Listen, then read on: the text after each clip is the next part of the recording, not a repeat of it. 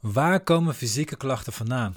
Hoe komt het dat fysieke klachten die op zich bij de ene persoon heel goed genezen, bij de andere persoon niet genezen? Het antwoord op deze twee vragen is eigenlijk hetzelfde. En dit is iets wat de westerse geneeskunde ook weet, want de westerse geneeskunde zegt dat meer dan 80% van de klachten die een huisarts ziet, heeft geen fysieke oorzaak. Dat betekent dus dat ze een mentale of emotionele oorzaak hebben. Hoe ga je van deze klachten afkomen? Niet door het fysiek op te lossen. En misschien ook het fysiek op maar in ieder geval door de focus te leggen op de oorzaak. En de oorzaak is dan weer niet fysiek. Die is mentaal en of emotioneel. In deze podcast gaan we kijken wat dus echt de oorzaak is van klachten, wat een echte achterliggende, achterliggende oorzaak is van de klachten en hoe je kan zorgen dat jij je zodanig verandert dat jouw lichaam vanzelf weer gaat helen. Hey hallo, Bas van Pelt hier. In deze podcast wil ik samen met jou kijken hoe je vrij kunt leven. Los van stress en oude patronen. Hoe je de mooiste versie van jezelf wordt en jouw ideale leven creëert. Hoe mentale en emotionele oorzaken kunnen leiden tot fysieke klachten. Maar ik begin even met een feitje. En dit is echt. Dit is bizar, maar het is ook tegelijkertijd gewoon hoe het is. Volgens de westerse geneeskunde zijn meer dan 80% van de fysieke klachten hebben geen fysieke oorzaak. Die hebben dus mentale of emotionele oorzaak. Tegelijkertijd is de opleiding tot arts voor meer dan 95% gericht op het behandelen van fysieke klachten. Eigenlijk worden ze dus de hele tijd opgeleid om het behandelen van maar slechts 20% van de klachten die mensen hebben. Zo bizar is dit. Ze moeten het even gaan hebben over die mind-body connectie, over die psychosomatische klachten, die fysieke klachten zonder fysieke oorzaak. Waarschijnlijk ken je het ook wel. Je hebt ook wel eens het gevoel gehad dat je veel te veel op je schouders gehad. Je hebt ergens wel eens mee, mee in je maag gezeten. Je hebt wel eens het gevoel gehad dat je heel, iets heel spannend vond en je voelde het in je buik. Allemaal dingen die geen fysieke oorzaak hebben, maar die wel fysiek voelt. We gaan nog een stapje verder. Ik ga eerst nog een voorbeeldje geven, dan gaan we echt de diepte in. Een heel mooi voorbeeld waar ik vaak uitleg hoe, hoe die connectie is tussen die mind en die body. Die, die mentale, emotionele kant en die fysieke kant. is mijn jongste zoon. Die kan het heel duidelijk hebben. Als hij te veel prikkels heeft gehad, te veel mentaal, emotionele prikkels van alle kanten op gehad. En op een gegeven moment kan hij niet meer verteren. Kan hij letterlijk niet meer verteren, want zijn maag gaat opspelen. Hij krijgt pijn in zijn buik, zijn maag gaat pijn doen. Op een gegeven moment gaat hij overgeven. En zodra hij overgeven heeft, is het over. Voelt hij zich weer lekker. Is hij weer relaxed, is hij weer blij, is hij weer vrolijk, kan hij weer lekker spelen. Is alles prima. Is er niks meer aan de hand. Dus een mentaal-emotionele oorzaak leidt tot een fysieke klacht Mentaal emotioneel te veel prikkels. Fysieke klacht maagpijn, buikpijn. Krijg een fysieke oplossing, overgeven en vervolgens is de mentaal emotionele klacht opgelost. Hoe bizar is dat? En tegelijkertijd, hoe logisch is dat? Als je die connectie wilt gaan begrijpen, is het makkelijkst om het uit te leggen middels drie systemen. Het eerste is je zenuwstelsel. En dat is heel simpel. Jouw zenuwstelsel regelt eigenlijk alles in je lichaam. Samen met je hormonaal systeem, samen met nog een paar andere systemen. Maar even uitgaan van je zenuwstelsel, kennen we allemaal. Je hebt een brein, je hebt zenuwen, die gaan naar beneden en die gaan ook weer omhoog. Prikkels komen binnen, die gaan omhoog, die worden geregistreerd en die gaan weer naar beneden. Het is wat ingewikkelder dan dat en dat gaan we langzamerhand merken. Maar simpel gezegd. Op het moment dat jij stress ervaart, op het moment dat jij mentale, emotionele overprikkeling ervaart, dan gaat je hersenstam te veel aanstaan. Dat is eigenlijk je thermostaat die bepaalt hoe ver je aanstaat of uitstaat. Als hij te veel aanstaat, omdat je continu heftige emoties ervaart, of je continu aan het nadenken bent, aan het piekeren bent, dan gaat die te veel aanstaan. En dan sta je eigenlijk kort, continu in een soort van, ja, hoe moet je dat noemen? Een soort van alertheid, een soort van alarmfase. Het is een beetje alsof je dus op de savanne loopt. En ik zeg tegen je, ergens zit een leeuw, maar ik zeg niet waar. Je bent meteen alert. Alle prikkels komen heftiger binnen. Op alles reageer je sneller. En je moet continu aanstaan. Als je aanstaat, sta je niet uit. Dat is eigenlijk heel logisch, maar dat is belangrijk besef. Want in je zenuwstelsel heb je twee delen. Het orthosympathisch en parasympathisch. Vergeet die naam lekker. Je hebt een aanstaan deel en een hersteldeel. Dus of je staat aan, alle energie, alle bloed gaat naar je hersen toe, naar je spieren toe. Want wat gaan we doen? Je ademhaling gaat omhoog en we staan klaar om, om te reageren. Of je staat uit en dan sta je in de herstelstand. Al het bloed gaat naar je organen toe. Eventuele blessures worden weggewerkt. Dus als je lang stress ervaart, als je lang in emotionele of mentale stress zit, gaat je lichaam ook te veel aanstaan en is je lichaam dus minder bezig met blessures wegwerken. Je spierspanning is ietsje hoger, dus je spieren zijn allemaal wat meer aangespannen. Die, doordat ze meer aangespannen zijn, knijpt die bloedvaten een beetje dichter. Zijn ze dus eigenlijk wat minder doorbloed. Dat je beweegt zijn ze goed bloed, maar dat je alleen maar stil aangespannen houdt, zijn ze minder doorbloed. Is ook waarom je kramp kan krijgen, waarom je last van je nek en je schouders kan krijgen allemaal. Als je dag zo staat, aan het eind van de dag heb je last van je schouders hoor. Dat is wat je doet. Dus alleen al op die manier kan ik je uitleggen dat op het moment dat jij mentaal, emotioneel niet lekker in je vel zit, te veel aanstaat door mentaal prikkels, emotioneel prikkels, gaat niet veel aanstaan, gaat je hele systeem meer naar aanstand staan en minder herstellen. Blessures genezen niet meer goed. Heel logisch. Dat is systeem 1. We hebben nog twee systemen. Het tweede systeem is via je hormoonstelsel en via neuropeptiden. Neuropeptiden zijn kleine eiwitvormen die als soort van signaalstof gebruikt worden. Hormonen weet je wel. Testosteron is bijvoorbeeld het bekende. Als dat door je lichaam heen gaat, komt het als signaalstof op allemaal plekken in je lichaam terecht en vervolgens gaat je lichaam daarop reageren. Cellen reageren op de stoffen die ze waarnemen in een omgeving. Dus als hormonen of neuropeptiden door je bloed, in je bloed zitten, komen ze bij cellen terecht en cellen gaan op reageren. Als je nou heel relaxed bent, mentaal, emotioneel in een hele relaxe staat, eigenlijk je dankbaar voelt, gelukkig voelt. Dus je emotionele brein voelt zich gelukkig, voelt zich vrij, voelt zich dankbaar. Dan maak je oxytocine aan. Dat is het gelukshormoon of knuffelhormoon. Op het moment dat je cellen hebt en je voegt aan die cellen, voeg jij oxytocine toe. Dus stel je voor, in, de, in een laboratorium heb je schaaltje met cellen en je voegt er oxytocine aan toe. Dan gaan die cellen groeien, die gaan bloeien, die, die worden beter. Daarentegen, als je in een negatieve emotie zit, je voelt je ja, een beetje bedrukt, eh, gejaagd, um, niet fijn, dan ga je cortisol aanmaken. Dat is het stresshormoon. Cortisol zorgt ervoor, als je dat toevoegt aan de schaaltje cellen, gaan die cellen gewoon ziek en die gaan vervolgens dood. Dus alleen al hoe jij je emotioneel voelt bepaalt welke hormonen, welke neuropeptiden door je lichaam heen gaan. Kan bij al je cellen terecht en al jouw cellen gaan of beter functioneren of minder goed functioneren. Dus het is wel logisch dat als jij niet lekker in je vel zit, dan zit jij emotioneel niet lekker in je vel. ga je dus de verkeerde neuropeptiden en hormonen aanmaken, waardoor je cellen minder gaan functioneren. Je komt in een verhoogde arousal, verhoogde aanstaat, waardoor de bloeding ja, voornamelijk gaat naar dingen die je nodig hebt om weg te kunnen rennen of om te vechten, en niet meer naar herstel. Er zijn nog twee systemen waarmee je je lichaam langzamerhand aan het kapot aan het maken bent. Heel logisch. Heb je nog een derde systeem?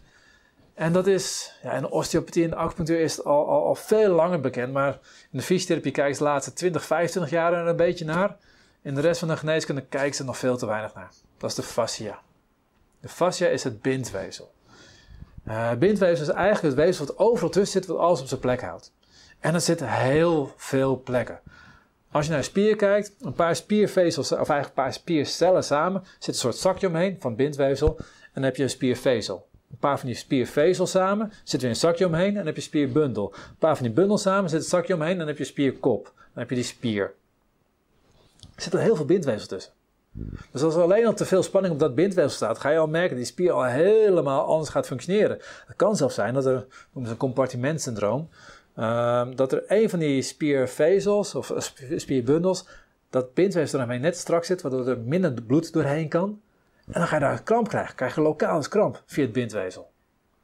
Bindweefsel zit nog veel meer plekken. Al je organen zit ook een bindweefselzakje omheen. En zit ook aan allemaal plekken vast. En het houdt ook allemaal ja, je lichaam op een bepaalde manier. Is heel simpel gezegd.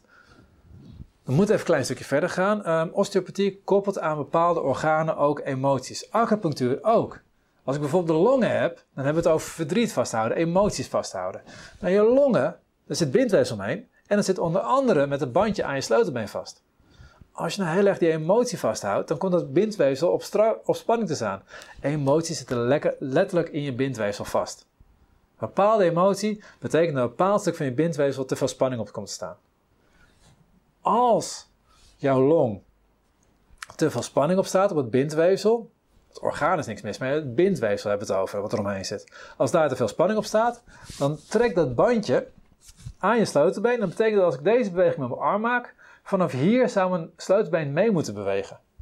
Maar als dat bandje vast zit, kan mijn sleutelbeen niet meebewegen en dan krijg ik dus last van mijn schouder. Heel simpel voorbeeld, maar het gaat heel ver door. Als het straks zit rond je maag, rond je lever, rond je nieren, betekent dat je middenrif niet goed naar beneden kan. Dat betekent dat je niet goed door kan ademen. Dan kan je allemaal ademhalingsklachten krijgen. Um, verzinnend, maar eigenlijk alle fysieke klachten zijn op die manier te plaatsen. En acupunctuur, en uh, uh, uh, kijken naar meridianen. Dan moet ik eventjes dit i'tje aangeven. Dit is een video die helemaal uitlegt hoe dit werkt op het meridiaanniveau. En hoe de fascia ook daar werkt aan. Ik ga nog veel dieper op in dan ik hier wil doen. Ik wil hem niet te diep maken. Ik wil er wel een ja, to-the-point video van houden. Maar dan leg ik nog even wat dieper uit hoe, hoe die meridianen en, en die, die fascia-banen, hoe die, die banen in, de, in, in dat bindweefsel extreem met elkaar overheen komen. En dan ga je ook merken, ik kan bij cliënten ook zien, dat is het gaaf. Ik kan op een gegeven moment een bepaald punt pakken en denk van, hé, hey, dit punt zit op de dikke darmmeridiaan. Heeft niet zoveel met dikke darm te maken, verkeerde vertaling. Maar het is wel een punt waarbij ik te maken heb met controlebehoeften. Als mensen een emotioneel patroon controlebehoefte hebben, zie ik dat in de fascia terug in die dikke darmmeridiaan. En dan kan ik dat gewoon terug voelen. En dan kan ik daar op die plek ook behandelen en dan kan je het losmaken.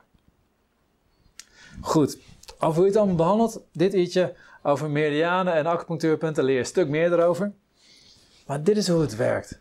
Er zijn drie systemen die ervoor zorgen dat al die mentale emotionele klachten omgezet worden in fysieke klachten. Is verkeerde vertaling. Beter gezegd zou kunnen zeggen, um, is, er zit zo'n extreme verbinding tussen mentaal, emotioneel en fysiek. Want ja, waar voel je emoties? Niet alleen maar hier in het emotionele brein, maar ook in je lichaam. Spanning voel je in je buik, vlinders voel je in je buik, onderbuikgevoel. Het hart op de tong hebben zijn allemaal fysieke uitdrukkingen die beschrijven hoe sterk emoties en eigenlijk ook mentale verbonden zijn met je lichaam. En met deze drie systemen kan ik het een klein beetje duidelijk maken aan je hoe, hoe sterk die verbinding wel niet is. Je zenuwstelsel, je hormonen, je neuropeptiden en je fascia. En er zijn nog veel meer verbindingen, maar dit is even de basis om te begrijpen hoe mentaal-emotioneel klachten leiden tot fysieke klachten. Wat is nu de conclusie die je hieruit kan trekken? dat is heel simpel dit.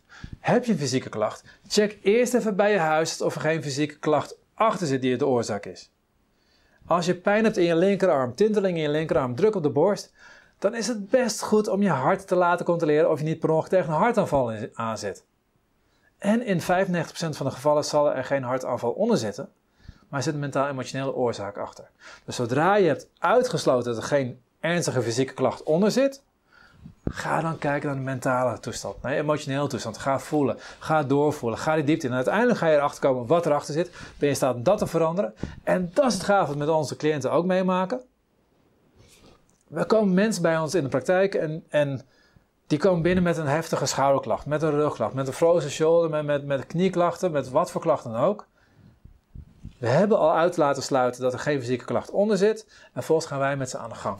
En dan komen we bij een emotionele laag. Op het moment die emotionele laag loskomt, zien we dat, dat ze vervolgens in staat zijn om die fysieke klachten te helen. Het lichaam wil die fysieke klachten genezen, maar dat lukt niet omdat de emotionele oorzaak nog achter zit. Zodra je die weghaalt, kan het lichaam zijn werk doen en genezen de meeste klachten. Het is zo dat als jouw knie volledig versleten is, de kraakbeen is volledig weg, gaat kraakbeen niet terugkomen op het moment dat je de emotie ineens opgelost hebt. Maar op het moment dat je heftig last hebt van je knie en de knie is nog niet versleten, op het moment dat je dan die emotionele patronen die erachter zitten oplost, gaat je knie wel helemaal helen. Darmen, uh, prikkelbaar darmsyndroom, wat al jaren speelt, kan verdwijnen op die manier. Hyperventilatie kan makkelijk verdwijnen op die manier. Hernia's kunnen ook ineens helen. Over het algemeen heelt het lichaam een hernia. Tot een bepaalde hoogte, maar wel zo goed dat je gewoon weer perfect kan functioneren over het algemeen. Herken jij jezelf hierin en wil je hiermee aan de gang? Dan wil je waarschijnlijk niet alleen maar met een fysieke aanpak aan de gang. Ook niet met alleen maar een mentale aanpak, maar met een aanpak die echt naar het totaalplaatje kijkt, die ook echt naar de echte oorzaak achter je klachten kijkt. En dat is bijvoorbeeld de ASE-methode. Dat is onze eigen methode, die hebben we zelf ontwikkeld. En die hebben we in de loop der jaren steeds weer bijgesteld, zodat we echt naar de kern gaan, naar de eerste patronen gaan, die ervoor gezorgd hebben dat je uiteindelijk op dit punt staat met dit gedrag, deze emoties en deze fysieke klachten. Als je zegt van ja, dat klinkt wel wat, ga dan even naar de website asemethode.nl en kijk daar wat wij voor jou kunnen betekenen. Op dit moment hebben we weer een klein beetje ruimte in onze agenda. Dus als je snel bent, dan kunnen wij jou ook snel gaan helpen om eindelijk eens keer echt blijvend van je klachten af te komen. Simpel gezegd, we helpen je niet van je klachten af, we helpen je veranderen waardoor je klachten vanzelf verdwijnen. Dit was de podcast voor deze week. Ik ben heel benieuwd wat je van deze podcast vond. Geef in je app even een duimpje omhoog en laat een review achter. En als je een Android-telefoon hebt, dan hebben de meeste apps geen review-mogelijkheid. Ga dan naar de link in de beschrijving bij de podcast en laat daar een review achter. Ik vind het super als je dat doet, want je helpt ons enorm op die manier om meer mensen te bereiken. Tot de volgende keer en op jouw vrije leven.